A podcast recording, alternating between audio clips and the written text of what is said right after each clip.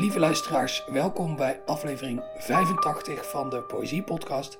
Mijn naam is Daan Doesborg en ik zit hier in de werkkamer van Harry Moelies, het Harry Moelies Huis aan de Leidse Kade.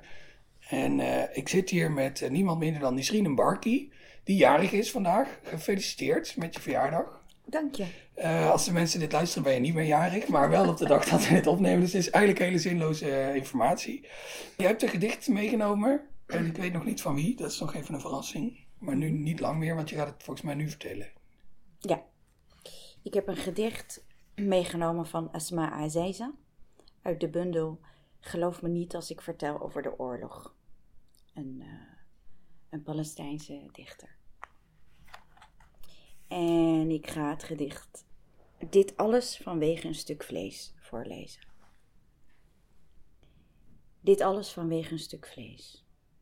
Je hebt me vaak gevraagd naar de oorzaak van de voortdurende wildheid van mijn stieren. Je adviseerde mij te stoppen met het uitschelden van de automobilisten, over dat het noodzakelijk was ze te temmen en over de mentale rust die ik zal krijgen als ik ben opgehouden met overmatig werken, over hard praten en overbodige gebaren. Goed dan, lieverd. Ik ben de beschadigde graanhalm afgewezen door de in beslag genomen weide. Ik ben de weide die door de graafmachine geploegd gaat worden. Ik ben de vogelverschrikker waar je van zult schrikken. Ik ben de vogel die hongerig op het kanon zal staan. Ik ben de honger die de ingewanden van de Engelsen vulde met de Balfour-verklaring. En de verzadiging die onze ingewanden vulde met pijn. Ik ben het verdriet dat in het geweer van mijn grootvader roestte. Ik ben haar blinde kogel die zijn hart raakte. Haar holle buik die hem doodde, hongerig als een vogel. Ik ben de amandelboom die bezweek op de in beslag genomen weide. Haar longen die veertig jaar boven de woestijn dwaalden. Haar vruchten die worden vermalen in de mond van de toerist haar geur die het spoor van God heeft afgesneden. Ik ben de helling omheind door militaire bevelen. Ik ben de moed van Christus die erboven vloog als vrijheid. De angst van de spijkers die in haar vleugels werden geslagen. Ik zal lang verzwakken en veranderen in dit alles. Ik zal lang verouderen tot de graanhalm buiten het pad gaat. Daarna zal de weide mij uitspugen naar haar binnenste. Zijn hongerige vogels zullen mijn hart opeten. Zonder dit stuk vlees, zonder meer. De wereld zal tot rust komen. Dankjewel. Waarom heb jij juist dit gedicht gekozen om hier te lezen vandaag? Um, om twee redenen. Uh, de eerste reden is dat ik Asma Aziz een fantastische dichter vind. Een heldere, uitzonderlijke stem uit het um, Arabische, Arabisch-talige um, gebied. Een stem, ja, als geen ander. En ze is me ontzettend dierbaar als dichter en als mens ook. En ten tweede vanwege de, de de oorlog, uh, de genocide die nu gaande is op haar mensen. Dus het is een, een, een ode aan de Palestijnen en uh, de liefhebbende Israëli's. Nou, twee uitstekende redenen lijkt me. Ja. Sorry, ik onderbrak je. Wat wou je nog zeggen? Nee, dat was de vrede, de vredelievende Israëli's, wilde ik zeggen. Ja. Vreselijk uh, wat er allemaal aangericht uh, wordt op het moment. Ja, het is. Het is uh, ja, het raakt, me, het raakt me diep, dus ik kom er niet onderuit. Ik, ik probeer normaal te functioneren en alles te doen. Maar um, ja, bij vlagen word ik ook helemaal lam geslagen, zoals veel mensen.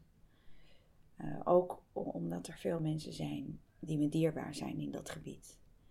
Ook in Gaza en ik niet weet of ze leven of niet.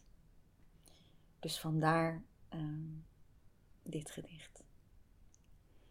heb je dan iets aan poëzie in zo'n situatie? Ja, ik, ik heb op, op dit moment heb ik nergens wat aan eigenlijk, behalve, behalve aan poëzie. En eh, het is echt zo. Ik ben, ik ben spontaan poëzie gaan vertalen, omdat dat het enige was.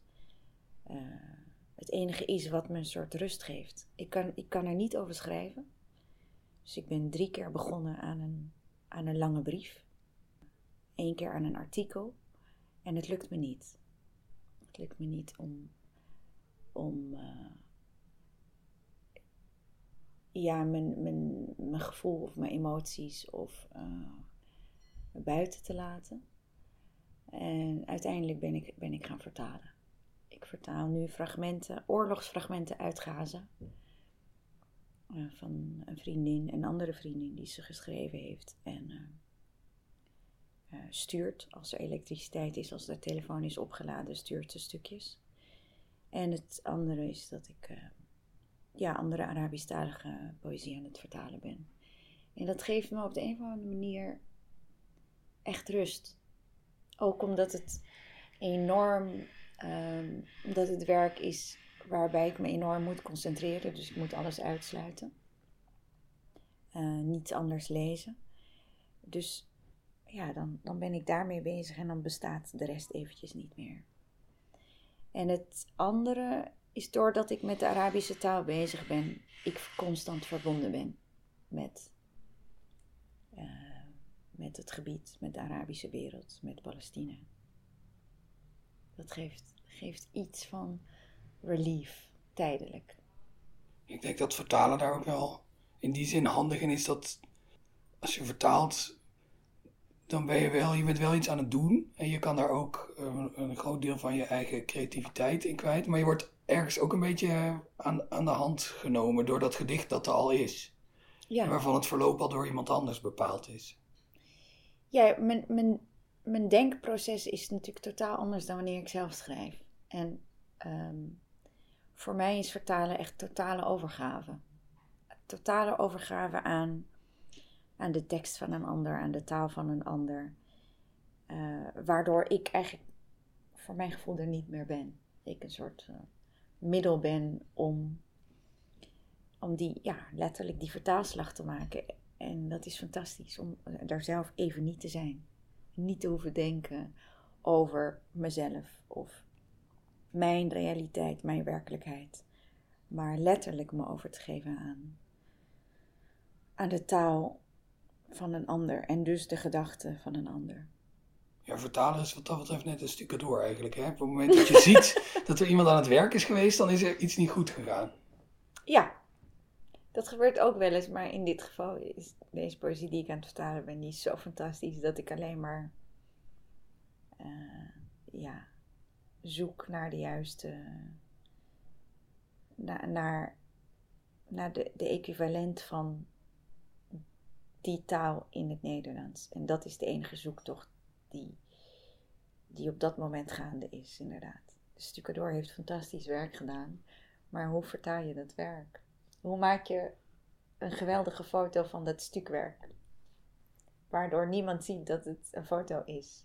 Waardoor je denkt, oh wauw, wat een goede gestukte muur. En niet, wat is die fotosuf genomen of zoiets. Ja. Dus het klopt wel. Het is ook, ja, dat klopt eigenlijk wel.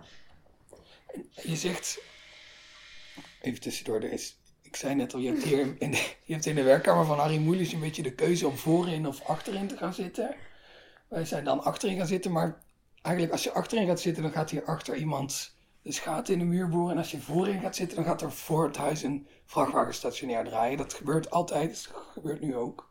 En ik ga mijn best doen om te zorgen dat de luisteraars er zo min mogelijk last van hebben, maar...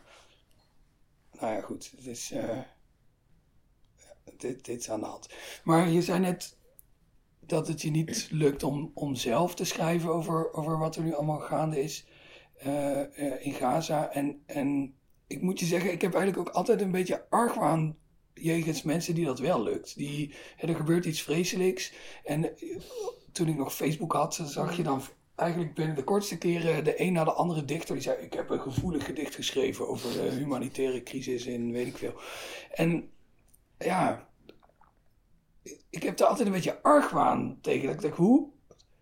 Als het je zo snel lukt om je gevoelens in een gedicht te proppen, dan heb je of geen goed gedicht of geen goede gevoelens. hoe denk jij daarover? Nou, een gedicht kan ik sowieso niet schrijven. Dat, dat, dat is onmogelijk. Uh, Waarom is dat onmogelijk? Omdat, ik weet niet hoe dat is voor andere dichters, maar in mijn geval moet ik een bepaalde afstand hebben tot een gebeurtenis. En dat is vaak een afstand die, die ook in tijd te meten is. Niet alleen maar mentaal of emotioneel of gevoelsmatig, maar ook in tijd moet er een afstand zijn tussen, als ik over een gebeurtenis schrijf, tussen het, hetgene dat gebeurd is en het moment waarop ik op een ander niveau kan schrijven daarover. Op het moment dat ik 100% betrokken ben, ben, is het onmogelijk voor mij om te schrijven. Ehm, en daardoor probeerde ik een brief te schrijven. Ik dacht maar, een brief is van, heel, is van hele andere aard dan, dan een gedicht.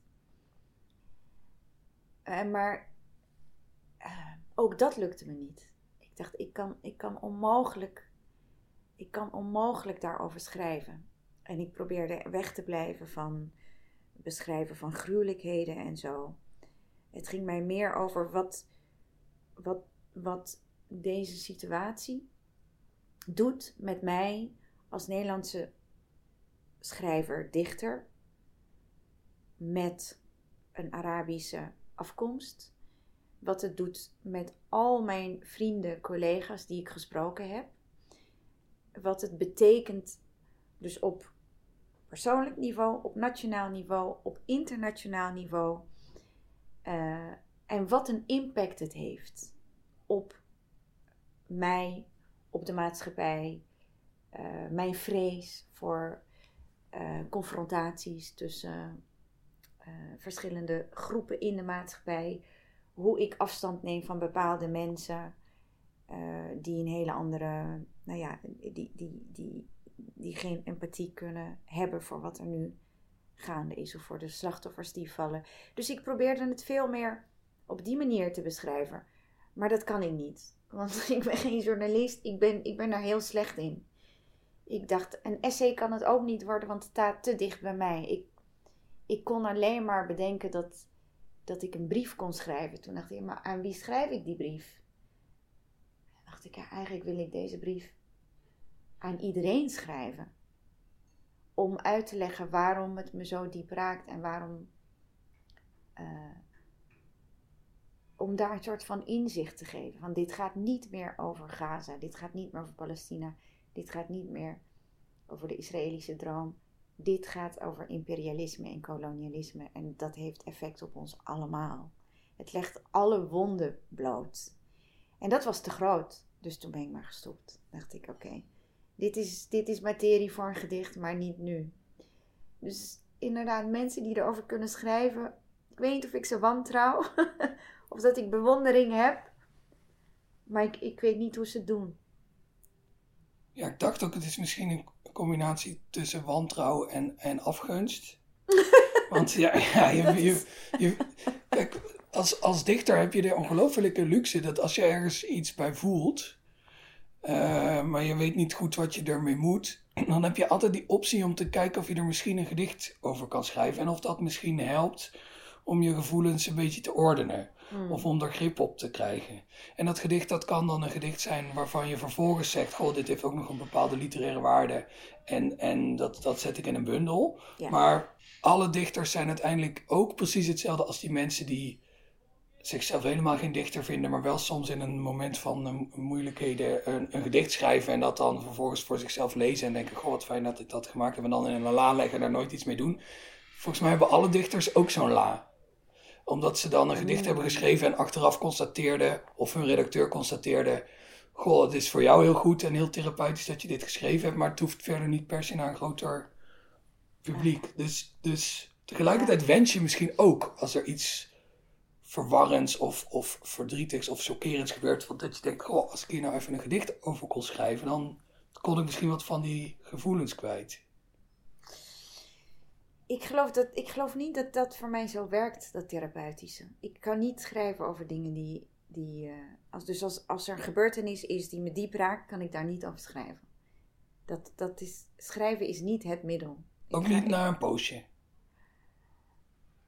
Ja, maar dan, kan, dan weet ik al, oh, dit wordt, dit wordt een gedicht. Oh ja, dan is dat therapeutische aspect Dus het- is al Nee, dat doel, dat doel dient, het dient geen therapeutisch doel. Het dient geen doel om mij beter, om me beter te laten voelen. Dan ga ik wandelen of rennen of eh, ik ga naar de kroeg met een paar vrienden. Of, eh, eh, nou ja, we hebben nu bijvoorbeeld een soort e- etentje eens in de twee weken van allerlei mensen die, die dus mensen die familie hebben in Palestina, in Gaza, of op de een of andere manier enorm bij betrokken zijn. En dan komen we samen en dan eten we en dan huilen we en dan knuffelen we en dan gaan we weer naar huis.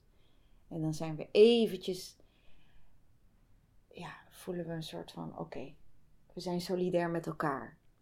We doen dit samen. Het zijn allemaal mensen met verschillende achtergronden, eh, ook etnische achtergronden. Dat helpt, maar schrijven werkt, werkt daar, nee, schrijven is voor mij geen middel daarvoor. Dus ik moet echt afstand hebben om te kunnen schrijven. Dus ik ben heel benieuwd wat er komt over een paar maanden. Hoe ik dit nu, ja, hoe dat terug gaat komen in een gedicht. Ik weet wel dat er een gedicht over komt. Omdat er een paar beelden en een paar gebeurtenissen zijn die, die, niet, die niet uit mijn, uit mijn geest gaan, weggaan. Die, die ik in dromen terugzie, die constant blijven terugkomen. En daarvan weet ik, oh ja, dat, zijn de, dat is altijd een soort residu dat overblijft. En voor mij is dat residu, dat is poëzie. Dus als alles zakt, alles lost op. En er is een, iets wat niet verdwijnt, dat wordt poëzie. Dus een, een soort, eh, ja, een soort filtering of zo. Een soort natuurlijke manier van filteren. En dat wat daaronder ligt, dat gaat mee. En de rest niet. Dus het is onmogelijk om te schrijven, maar vertalen gaat heel goed. Ja, gelukkig Omdat je maar. dit hele proces hoef ik niet te ondergaan als ik vertaal. Het is echt eh, die, die concentratie en overgave en een soort eh, gepuzzel. Eh, en dat werkt heel goed, dus daar ben ik ontzettend blij mee. Zulke dagen ben ik heel blij dat ik vertaler ben. En niet alleen maar schrijf. Ja, Ik vind het ook heerlijk om af en toe, als je inderdaad denkt, ook als het schrijven niet lukt, of je hebt geen zin, je kan gewoon gaan vertalen. Dat kan, die optie is er gewoon. Dat is zo geweldig. Heerlijk. Je kan altijd lezen en vertalen. Ja. Om dan mijn sweeping statement van daarnet over wantrouwen nog wat verder onderuit te halen. Eh, Je vertelde net dat je dus af en toe, ja, quasi live, of als er internet is, teksten opgestuurd krijgt uit Gaza die jij dan weer vertaalt. Zijn dat ook gedichten of is dat, zijn dat meer dagboekfragmenten? Of Nee, dit zien? zijn nu ehm, dit zijn geen gedichten. Het, zijn wel, het is een dichter, een andere dichter, Fatin al-Rorra. Die, die ik vertaald heb uit het Arabisch naar het Nederlands. Een Vlaams-Palestijnse dichter. En ehm, ja, zij zit dus daar, zij zit vast in Gaza. En ze heeft een soort dagboek, of een soort, ja, ze noemt het oorlogsdagboek. Letterlijk omdat ze niet weet of ze in leven blijft of niet. Dus ze probeert op het moment dat, dat het kan, dat het mogelijk is, probeert ze eh, fragmentjes te schrijven aan haar nichtje in, eh, in Antwerpen. En die, nou ja, die zijn dan weer via vrienden zijn ze gepubliceerd online eh, voor een Arabisch, in een Arabisch magazine. En ehm, ja, eh, vorige week heeft het mij gestuurd. Of ze kon het mij niet sturen. Want de, ja, er, was geen, er was geen internet, maar ze heeft me gevraagd om het op te vragen. En of ik het wil vertalen. Dus dat ben ik nu, eh, dat ben ik ook aan het doen. En het zijn korte fragmenten over eh, bijvoorbeeld eh, het moment dat ze hun huis moesten verlaten. Het moment dat ze in, in een goed hospital zaten met 15.000 mensen. Hoe dat gaat.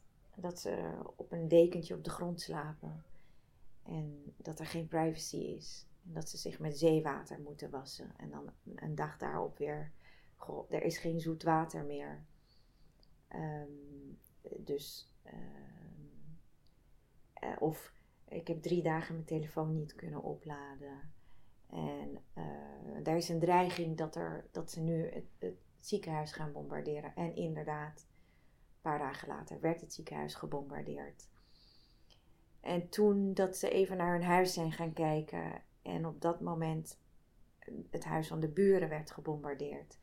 En zo gaat het eigenlijk maar door. Maar het, wordt, het is van kwaad natuurlijk tot erger. Want toen het begon, nou ja, leken de dingen nog een soort van te gaan of zo. Maar nu is het natuurlijk heel ernstig. Want ik weet ondertussen dat er een aantal familieleden uh, zijn vermoord of ja, dood zijn. En dat ze Gaza City hebben moeten verlaten. En nu zeg maar op die, ja, op die weg naar het zuiden aan het lopen zijn.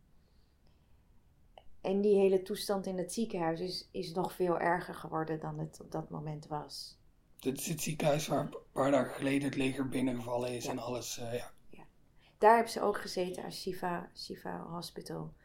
Ja, en nu zijn alle, nou ja, het zijn allemaal gruwelijke details die ik op zich niet wil herhalen. Maar die fragmenten die zijn, ja, die, die, die, die maken het een soort van menselijk. Dat ze zegt, ah, mijn handen zijn aan het vervellen omdat ik al drie weken mijn lichaam met zeewater was. Dat soort, dat soort dingen. Of, ah, weet je nog, uh, ik besef hoe, hoe, wat, een, wat een luxe het is om een kraan open te kunnen draaien en koud zoet water te kunnen drinken. En dan, ja, en dan haalt ze herinneringen op um, aan wat zij en haar nichtje graag doen. En ja, zulke dingen. Dus dat. En dat vertalen geeft me een soort gevoel van. Ik ben niet 100% machteloos ik kan iets doen. Wat ik, wat ik kan doen is minimaal. Maar dit vertalen is iets wat ik kan doen. Zo'n gedicht voorlezen is iets wat ik kan doen. Om de Palestijnen een gezicht te geven. En, en niet, nou ja, niet meer te praten in 12.000 doden en anderhalf miljoen vluchtelingen. Maar nee, het zijn mensen, het zijn vrouwen, het zijn vriendinnen. Um, ja, zo. Dus dit is een beetje wat er nu in mijn geest leeft. Ik kan er niets anders van maken, Daan. Nee, maar dat hoeft toch ook helemaal niet? Waarom nee. zou je er iets anders van moeten willen maken? Nee, dat is misschien ook niet wat ik wil. Maar dit is gewoon wat er nu... Wat nu, ehm, wat nu urgent is. En alles, alles daarbuiten lijkt soms banaal bijna. Dus dan maak ik een boodschappenlijst en denk ik hoe banaal is mijn boodschappenlijstje? Banaan, melk, toiletpapier, azijn. En ineens is azijn totaal banaal. Als ik denk aan, ja, dat ze, dat, dat 2 miljoen mensen nu op een heel klein stukje, ja, gebombardeerd worden. Nou ja, dus dat soort dingen zullen misschien uiteindelijk een gedicht worden. Die fles schoonmaken zijn. En ja, dus het is wel zo dat soms denk ik, ja, ik bedoel, dit is gewoon wat we doen. Dit is mijn werk. Dit is wat ik altijd doe: lezen, schrijven, vertalen. En uh, ergens besef ik natuurlijk dat het ook een soort luxe positie is dat ik dat kan doen en dat ik daar een soort van kan leven.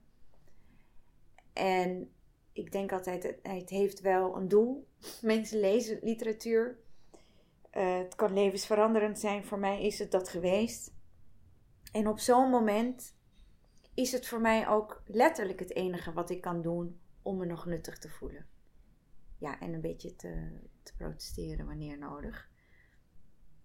Dus het belang van literatuur wordt ineens toch heel groot. Ook in het geval van oorlog en genocide en ja, um, zulke heftige uh, humanitaire crisissen eigenlijk, heb ik toch nog iets aan de literatuur.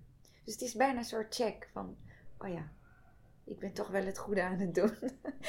ik zou nu toch niet iets, ik zou nu niet moeten denken dat ik iets anders zou moeten doen dan poëzie vertalen of uh, Want ik zou me zo machteloos voelen.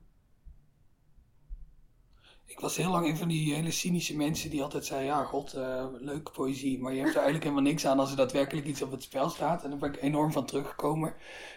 Want, uh, ja, los van het feit dat, dat er altijd iemand is die op een moeilijk moment met het juiste gedicht zich misschien, misschien niet beter, maar misschien wel minder verward uh, kan voelen ergens over. En los daarvan, als je, als je de poëzie niet isoleert, maar ziet als onderdeel van het grotere begrip uh, taal, mm. dan maakt taal enorm veel uit in hoe je uh, een, een conflict kan begrijpen, hoe je de wereld kan begrijpen. En wat, de voorbeelden die jij net al noemt, die zeggen dat als ik in de krant lees dat er in, in Gaza 12.000 doden zijn gevallen, dan kan ik rationeel begrijpen dat dat een gigantische hoeveelheid is. En dat elk van die 12.000 mensen een, een daadwerkelijk hmm. mens is, met, met mensen om zich heen, met, met gekke eigenaardigheden en dromen en gewoontes en al die dingen.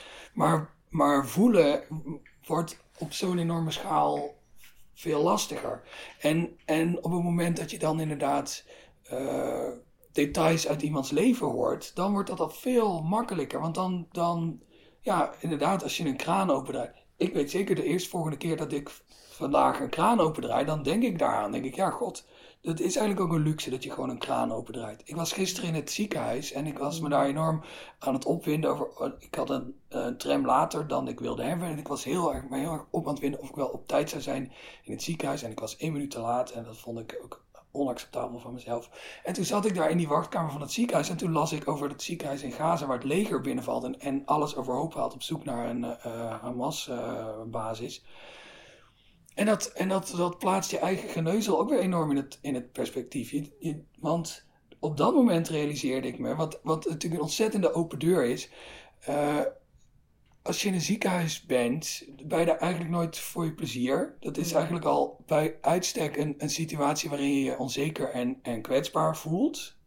moet je je voorstellen dat daar het leger binnenvalt. Dat, ja, ja het, is, het is een enorm banale open deur die ik hier intrap. Maar soms, ja. soms moet er even voor je een banale open deur worden ingetrapt. En dat was voor mij dat moment dat ik dacht, Jezus Christus ik zit meer kloten te voelen omdat ik in het ziekenhuis ben. Maar in dit ziekenhuis en om dit ziekenhuis is niks aan de hand. Nee, nee, precies. Ja, en wat je daarnet zei is. Het is eigenlijk precies dat van goh, weet je, wat is poëzie op een universele schaal of zo? Heeft het nut? Waar ben ik mee bezig? Dat, ik denk, bedoel, ik denk dat elke zichzelf respecterende schrijver of dichter zichzelf die vraag, die vraag stelt. Van, oké, wat ben ik eigenlijk aan het doen? En waarom? Althans, ik doe dat. En heeft het nut? En wat heeft de wereld eraan? En in die zin voel ik nu dat het wel, uh, dat het wel iets kan uitmaken. En niet alleen maar poëzie, maar inderdaad ook simpelweg taal. Want als ik dus eens in de paar dagen een, een appje ontvang van die vriendin, ik, ik, bedenk dus ook de hele tijd: oké, wat ga ik er nu schrijven? Ik kan, ik kan niet schrijven, leef je nog? Dat is, dat is onmogelijk. Je voorstellen dat jij Joost schrijft, leef je nog? Dat is niet te doen. Je kan een, je kan, je kan een vriend of vriendin die vraag niet stellen. Ik kan dat niet. Dus ik zeg hele simpele dingen als goedemorgen. Dan denk ik, oh mijn god, hoe kan ik goedemorgen tegen iemand zeggen die in Gaza zit? Ehm, dus heel vaak stuur ik een hartje en een vlag of een. Ehm, of, of ik bedenk de hele tijd, wat kan ik nu appen? En het maakt het al iets makkelijker als ik haar in het Arabisch app. Want dan kan ik heel direct, uh, lieverd, hoe, waar ben je? Of zoiets. Dat, dat, dat is een ander soort vraag. En in de afgelopen weken, als ze me kan appen, appt ze me nou ja, eh, berichten terug. En als het niet kan, is het enige wat ze zegt: schrijf over mij, schrijf over ons. Letterlijk, schrijf over ons. We gaan dood, we zijn aan het sterven. Want ik, ik bedoel, die vraag moet ik soms ook stellen: wat kan ik doen? Behalve pen bellen en weet en druk zetten en weten hoe de diplomatieke lijnen lopen en handtekeningen zetten voor haar als schrijver om te kijken of wat we kunnen betekenen. Maar ze blijft zeggen: schrijf over ons. Dat is wat de wereld kan doen. En in die zin besef ik: oh ja, het, het maakt wel degelijk uit. Het maakt wel degelijk uit dat ik kan schrijven en kan vertalen in deze situatie, in dit geval. Dus ineens voelt het, voelt het, voel ik me iets minder onbeholpen, iets minder machteloos, iets minder, ja, iets meer mens. Oké, ik kan iets doen. Ik kan een gedicht voorlezen. Maakt dit iets uit? Ja, want jij hebt een beeld. Of jij voelt ineens, het zijn geen 12.000 doden en eh, ik weet niet 60.000 gewonden, maar je, je, je denkt aan nou ja, dat water. En het is precies dat. Het, het, zeg maar, het, dehumaniseren wat er aan het gebeuren is in taal. En het, het gewelddadige in taal feitelijk terugdraaien. En dat weer humaan maken. En de mensen weer een naam geven. Uh, de mensen weer mens maken. Want dat is wat ze zijn. En, ook zien, dat is, dat is wel heel, heel pijnlijk. Zien hoe hoe taal wordt gebruikt om, om anderen te dehumaniseren. Dat is, dat is totaal fascinerend. Om dat te zien als schrijver. Je denkt, ah, zo gebeurt het. We zien het live gebeuren. We zagen het live gebeuren. Wanneer het begon, mensen animals noemen, bepaalde dingen in de media gooien die niet waar zijn, steeds weer een stapje verder gaan. Je ziet letterlijk wat er gebeurt. Dus je ziet, je ziet een soort hate speech zich ontvouwen. Wat ik alleen maar als theorie ken. Ik ken hate speech als theorie. Maar nu zie ik het in de werkelijkheid, zie je hoe het zich ontvouwt. En dat is super fascinerend. En dan nou ja, blijf ik mezelf maar vertellen van oké, dus wat ik doe is feitelijk dat een soort van op mijn manier terugdraaien door de menselijke stem te laten horen. Door te zeggen nee, maar het zijn, vrienden. Uh, ja, ik heb ook half Israëlisch, half Palestijnse vrienden. Wat voor een strijd speelt zich nu af in, ja, in het lichaam en in de geest van mijn vriend Adam, die half, die beide is. En, ehm, en dat zijn duizenden mensen. Dus, nou ja, in die zin probeer ik mezelf te troosten met dit soort, met dit soort gedachten. En met dit soort vertaalpraktijken. En uh, ja, sane te blijven ook echt. Gewoon, oké, wat ben ik aan het doen? Wat kan ik doen? Laat ik dat maar doen.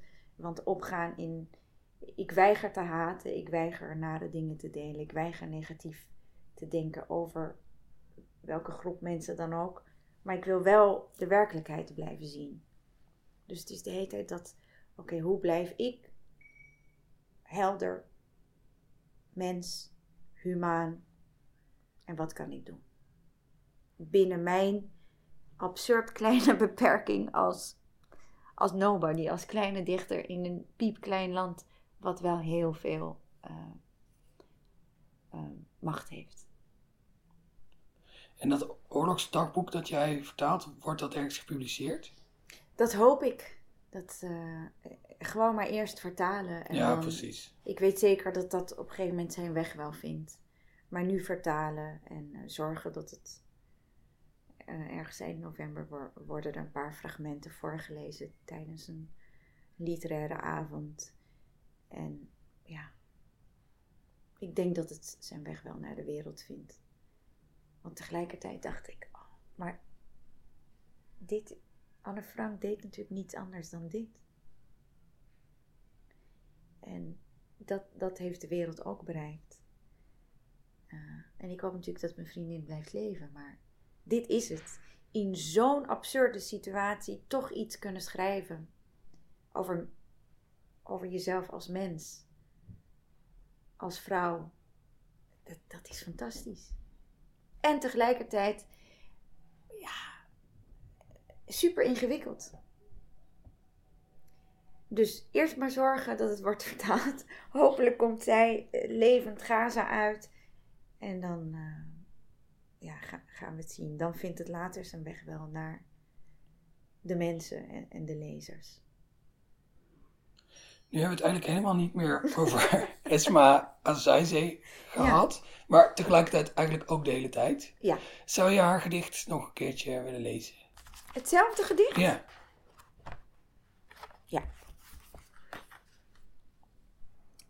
Dit alles vanwege een stuk vlees.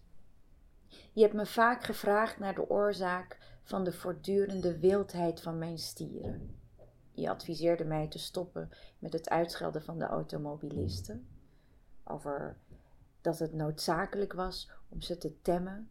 En over de mentale rust die ik zal krijgen als ik ben opgehouden met overmatig werken, over hard praten en overbodige gebaren.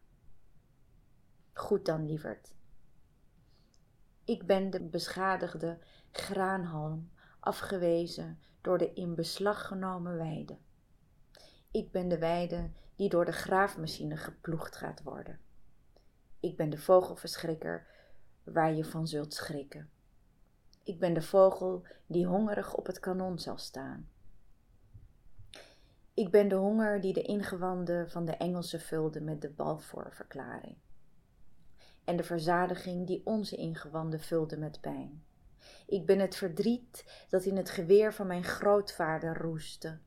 Ik ben haar blinde kogel die zijn hart raakte, haar holle buik die hem doodde, hongerig als een vogel.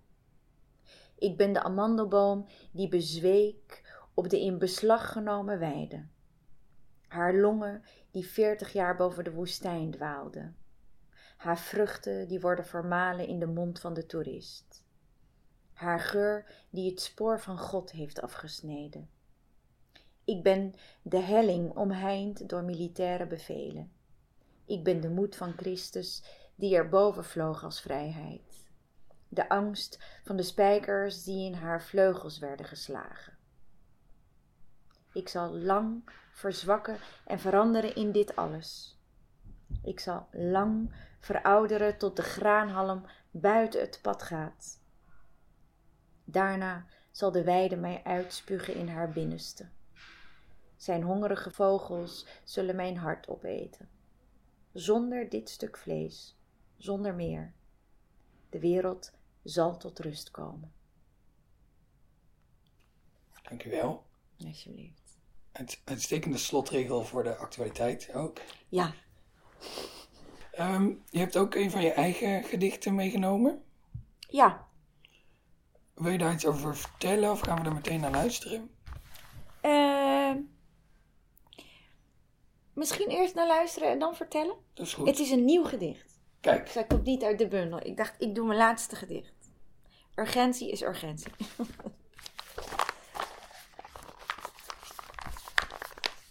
is de allereerste keer dat ik hem ga voorlezen.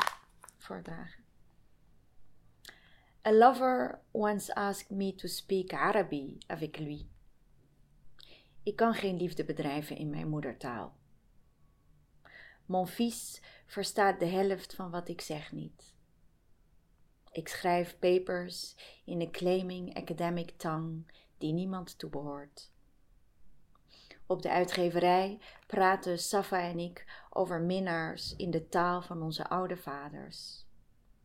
Wij schateren onze tanden bloot als schitterende citroenen in de zomer.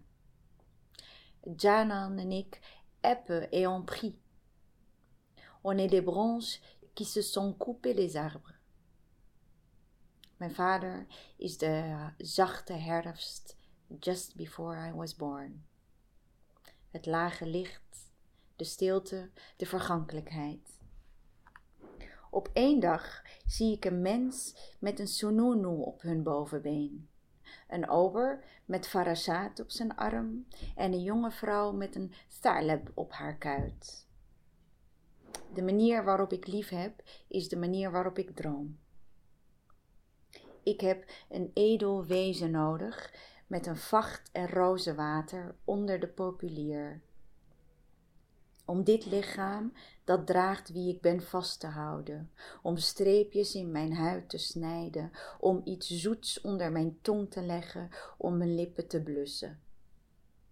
Ik zou graag te parler dans ma langue maternelle. Cantaloupe eten bij een open vuur en je vingers aflikken. Feed you lemon tart in bed. Je vertellen dat ik wel wil, mais je ne sais pas comment. Ik lief kan hebben in een lora waarin ik nog altijd mijn overblijfselen zoek. Dankjewel. Alsjeblieft. De onvermijdelijke slijptol is inmiddels ook gearriveerd. Net een klucht hier.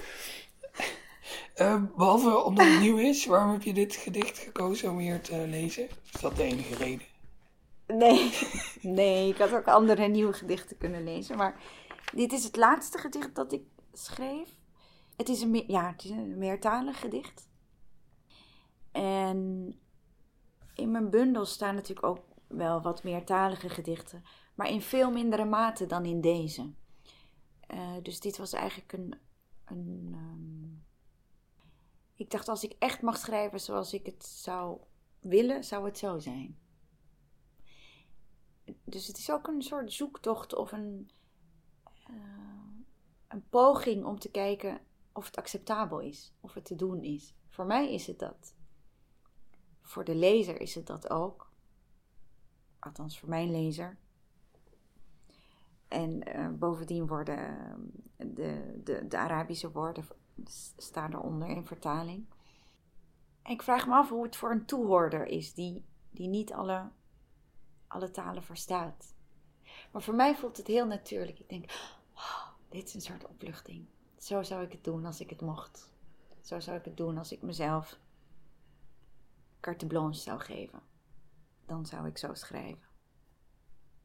Dus dat ben ik aan het proberen eigenlijk, Daan. Ja, nou ja, kijk, je heeft de redactie van de gids al overtuigd, want daar staat het in.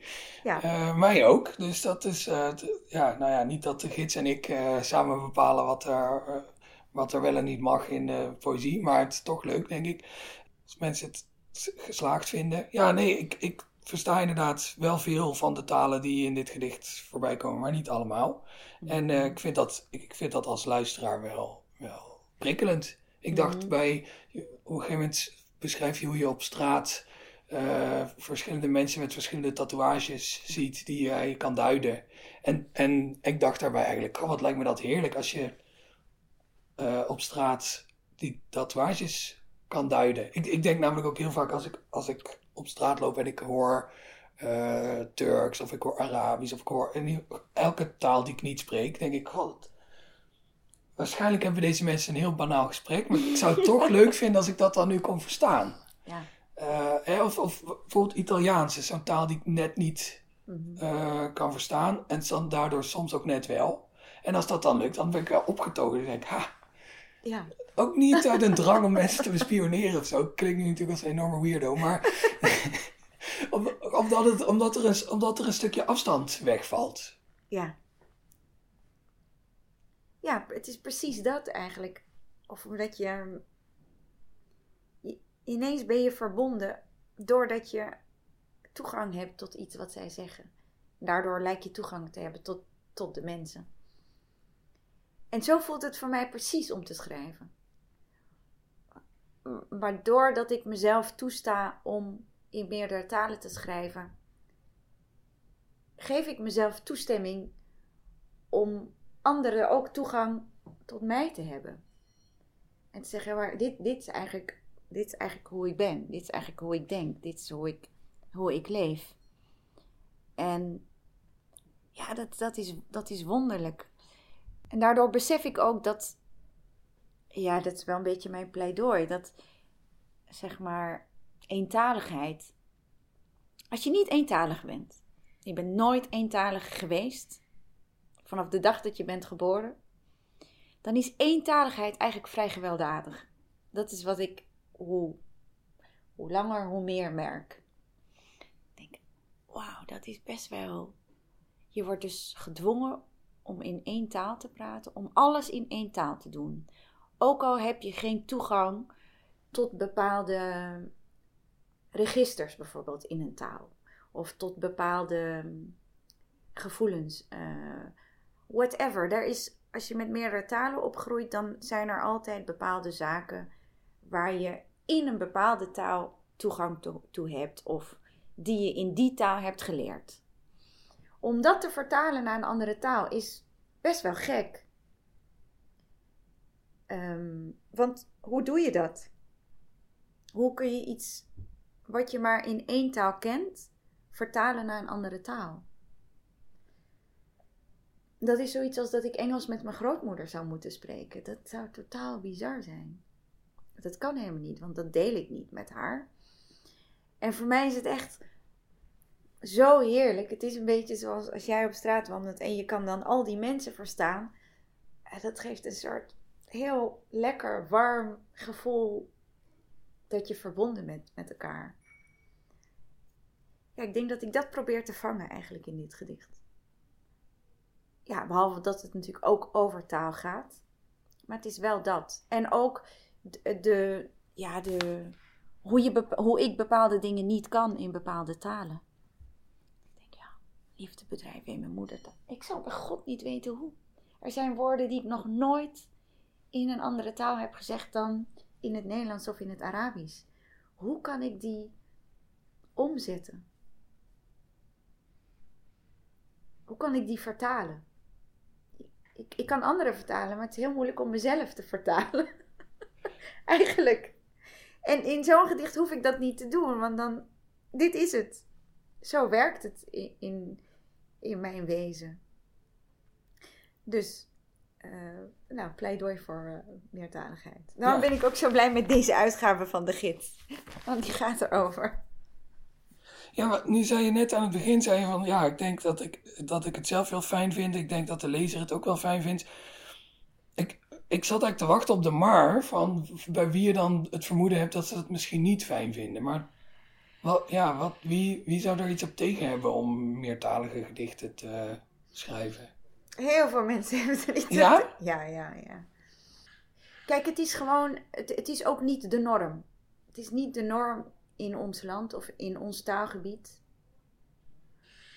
om meertalig te schrijven. Ik, ik pauzeerde even, want ik dacht, hoe zit het in Vlaanderen? Daar is het iets gebruikelijker, of in België. Maar dan nog is het vrij gescheiden. Als je een zin in het Frans schrijft, schrijf je in het Frans. Als je hem in het Nederlands, Vlaams schrijft, schrijf je in het Vlaams. Dus het is niet de norm om dat te doen.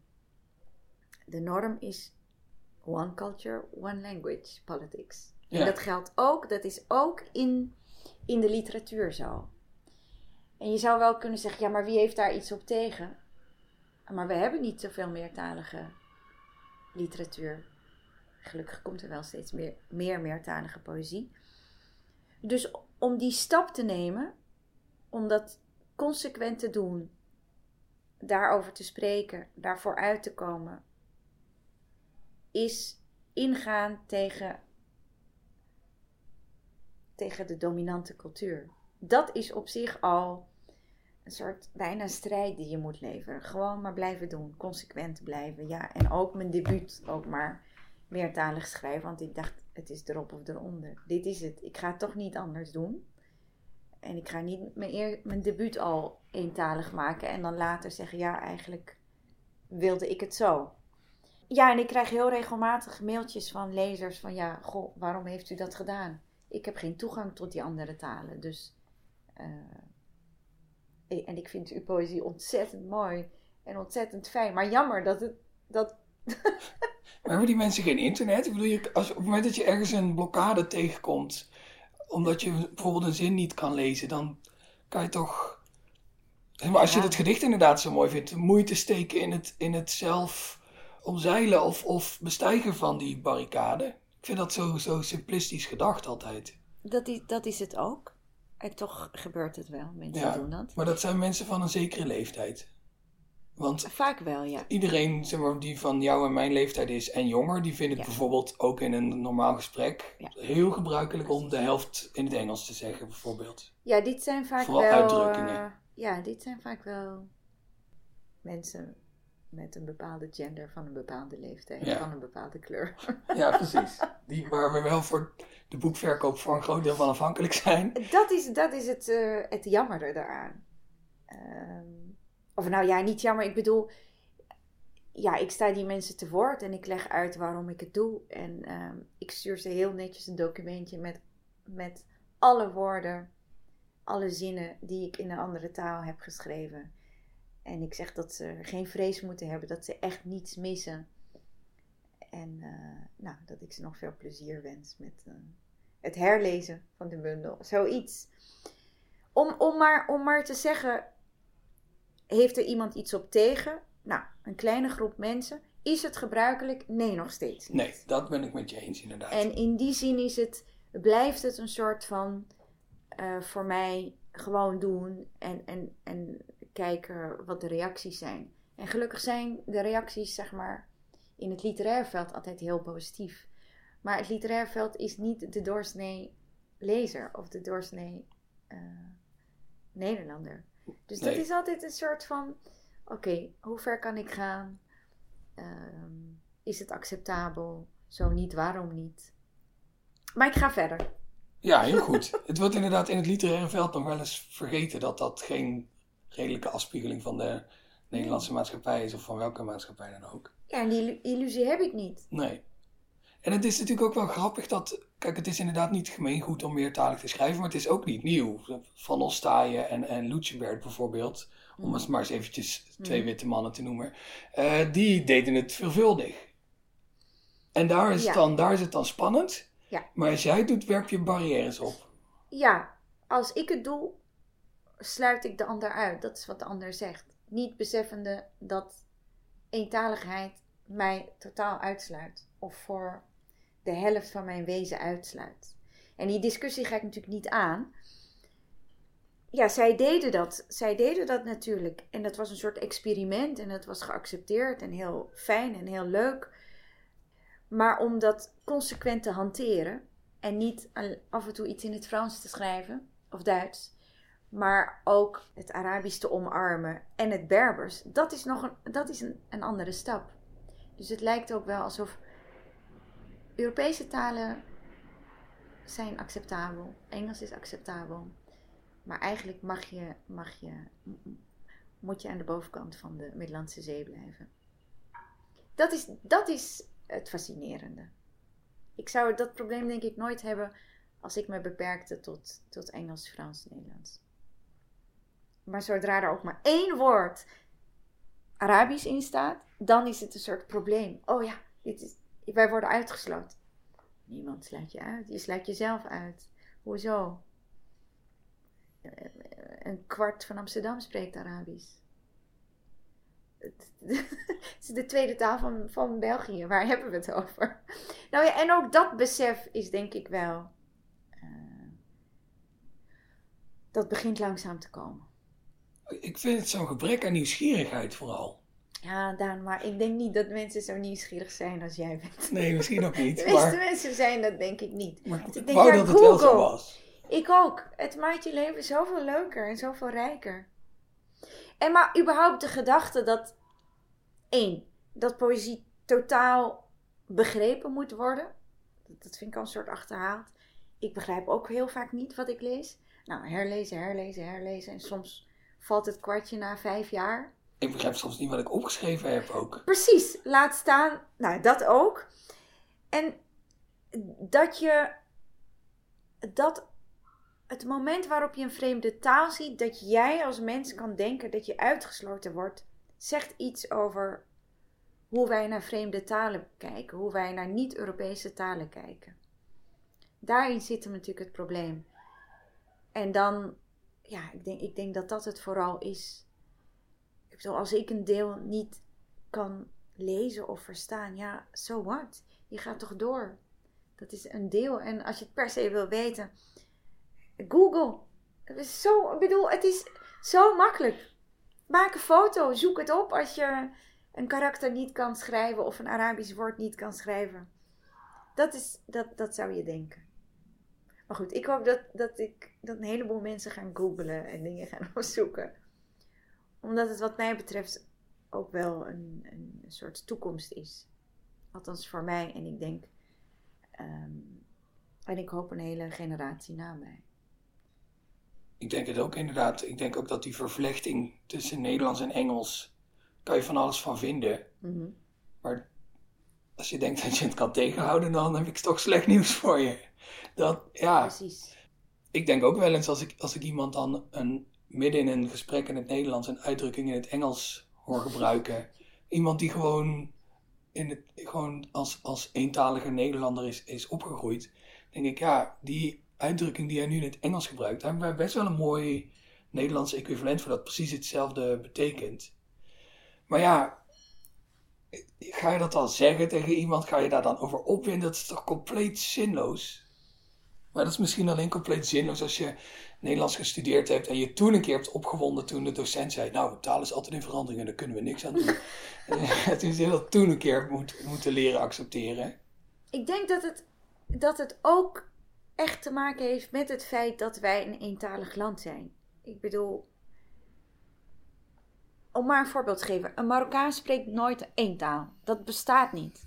Dat is onmogelijk. Een Marokkaan spreekt in principe altijd meertalig. Ik bedoel, ik heb het over een Marokkaan die in Marokko is opgegroeid, of een Algerijn of een Tunesiër. Dus een Maghrebijn. Ik bedoel, dat heeft ook zijn. Daar, daar heeft de koloniale geschiedenis natuurlijk een rol in gespeeld. Maar desalniettemin, of het Marokkaans aan zich is een taal die bestaat uit meerdere talen. En dat is weer een nieuwe taal geworden, het Marokkaans. Dat is echt doorspekt van Spaans, Portugees, Frans, natuurlijk Arabisch en Berbers.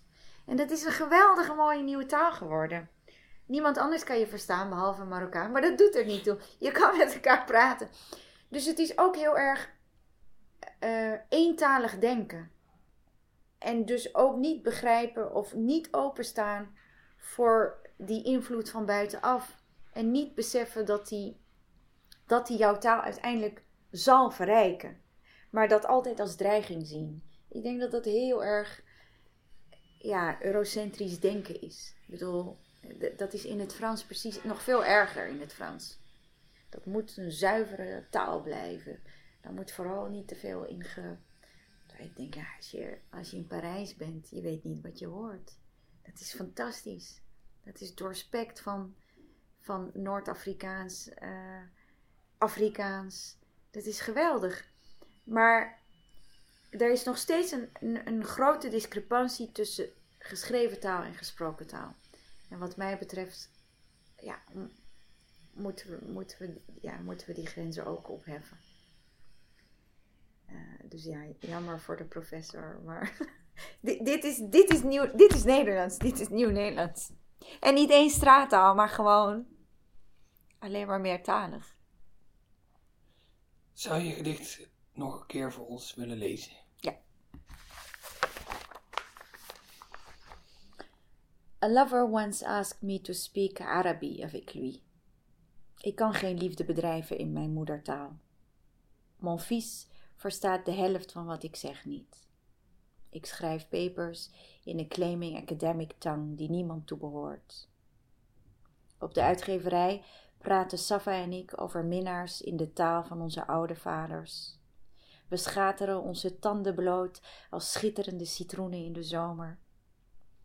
Janan en ik épais et on prie. On est des branches qui se sont coupées des arbres. Mijn vader is de zachte herfst just before I was born. Het lage licht, de stilte, de vergankelijkheid. Op één dag zie ik een mens met een sununu op hun bovenbeen, een ober met farashat op zijn arm en een jonge vrouw met een thaleb op haar kuit.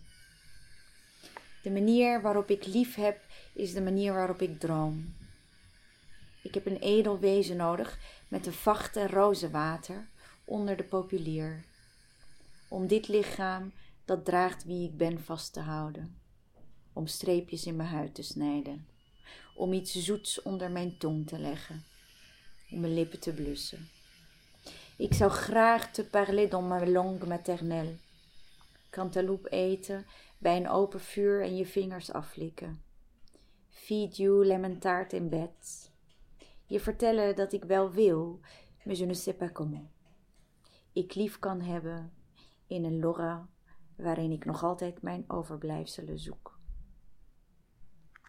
Dankjewel. Het is net of die man met die cirkelzaag precies weet wanneer jij je gedicht gaat voordragen. Precies, daarnet deed hij hetzelfde. Ja. Eh, vanaf het altijd in de verbouwing zijnde Leidseplein eh was dit aflevering 85 van de Poëzie Podcast. Dankjewel Nisrien dat je aan wilde schuiven. Volgende maand is het alweer tijd voor de kerstspecial. Hou je van kerst eigenlijk? Ja, Ja? Fantastisch. Oh, nou, wie weet bel ik je nog wel dan. Oh. Eh, eh, de kerstspecial wordt weer een extra lange, extra leuke eh, kerstaflevering vol eh glühwein, poëzie en verrassingen. je moet me zeker bellen. Oké. nou, dat is dan bij deze geregeld, eh, lieve luisteraar. Eh, eh, tot volgende week. Nee, sorry, tot volgende maand. Misschien ook tot volgende maand. En heel hartelijk bedankt voor het luisteren. Oh ja, de muziek natuurlijk. Dat weten jullie inmiddels wel. Maar ik zeg er toch nog een keertje bij. Werd gemaakt door Bart de Vrees. Dankjewel Bart. Ja, misschien ook wel tot volgende maand, wie weet. Bedankt voor het luisteren.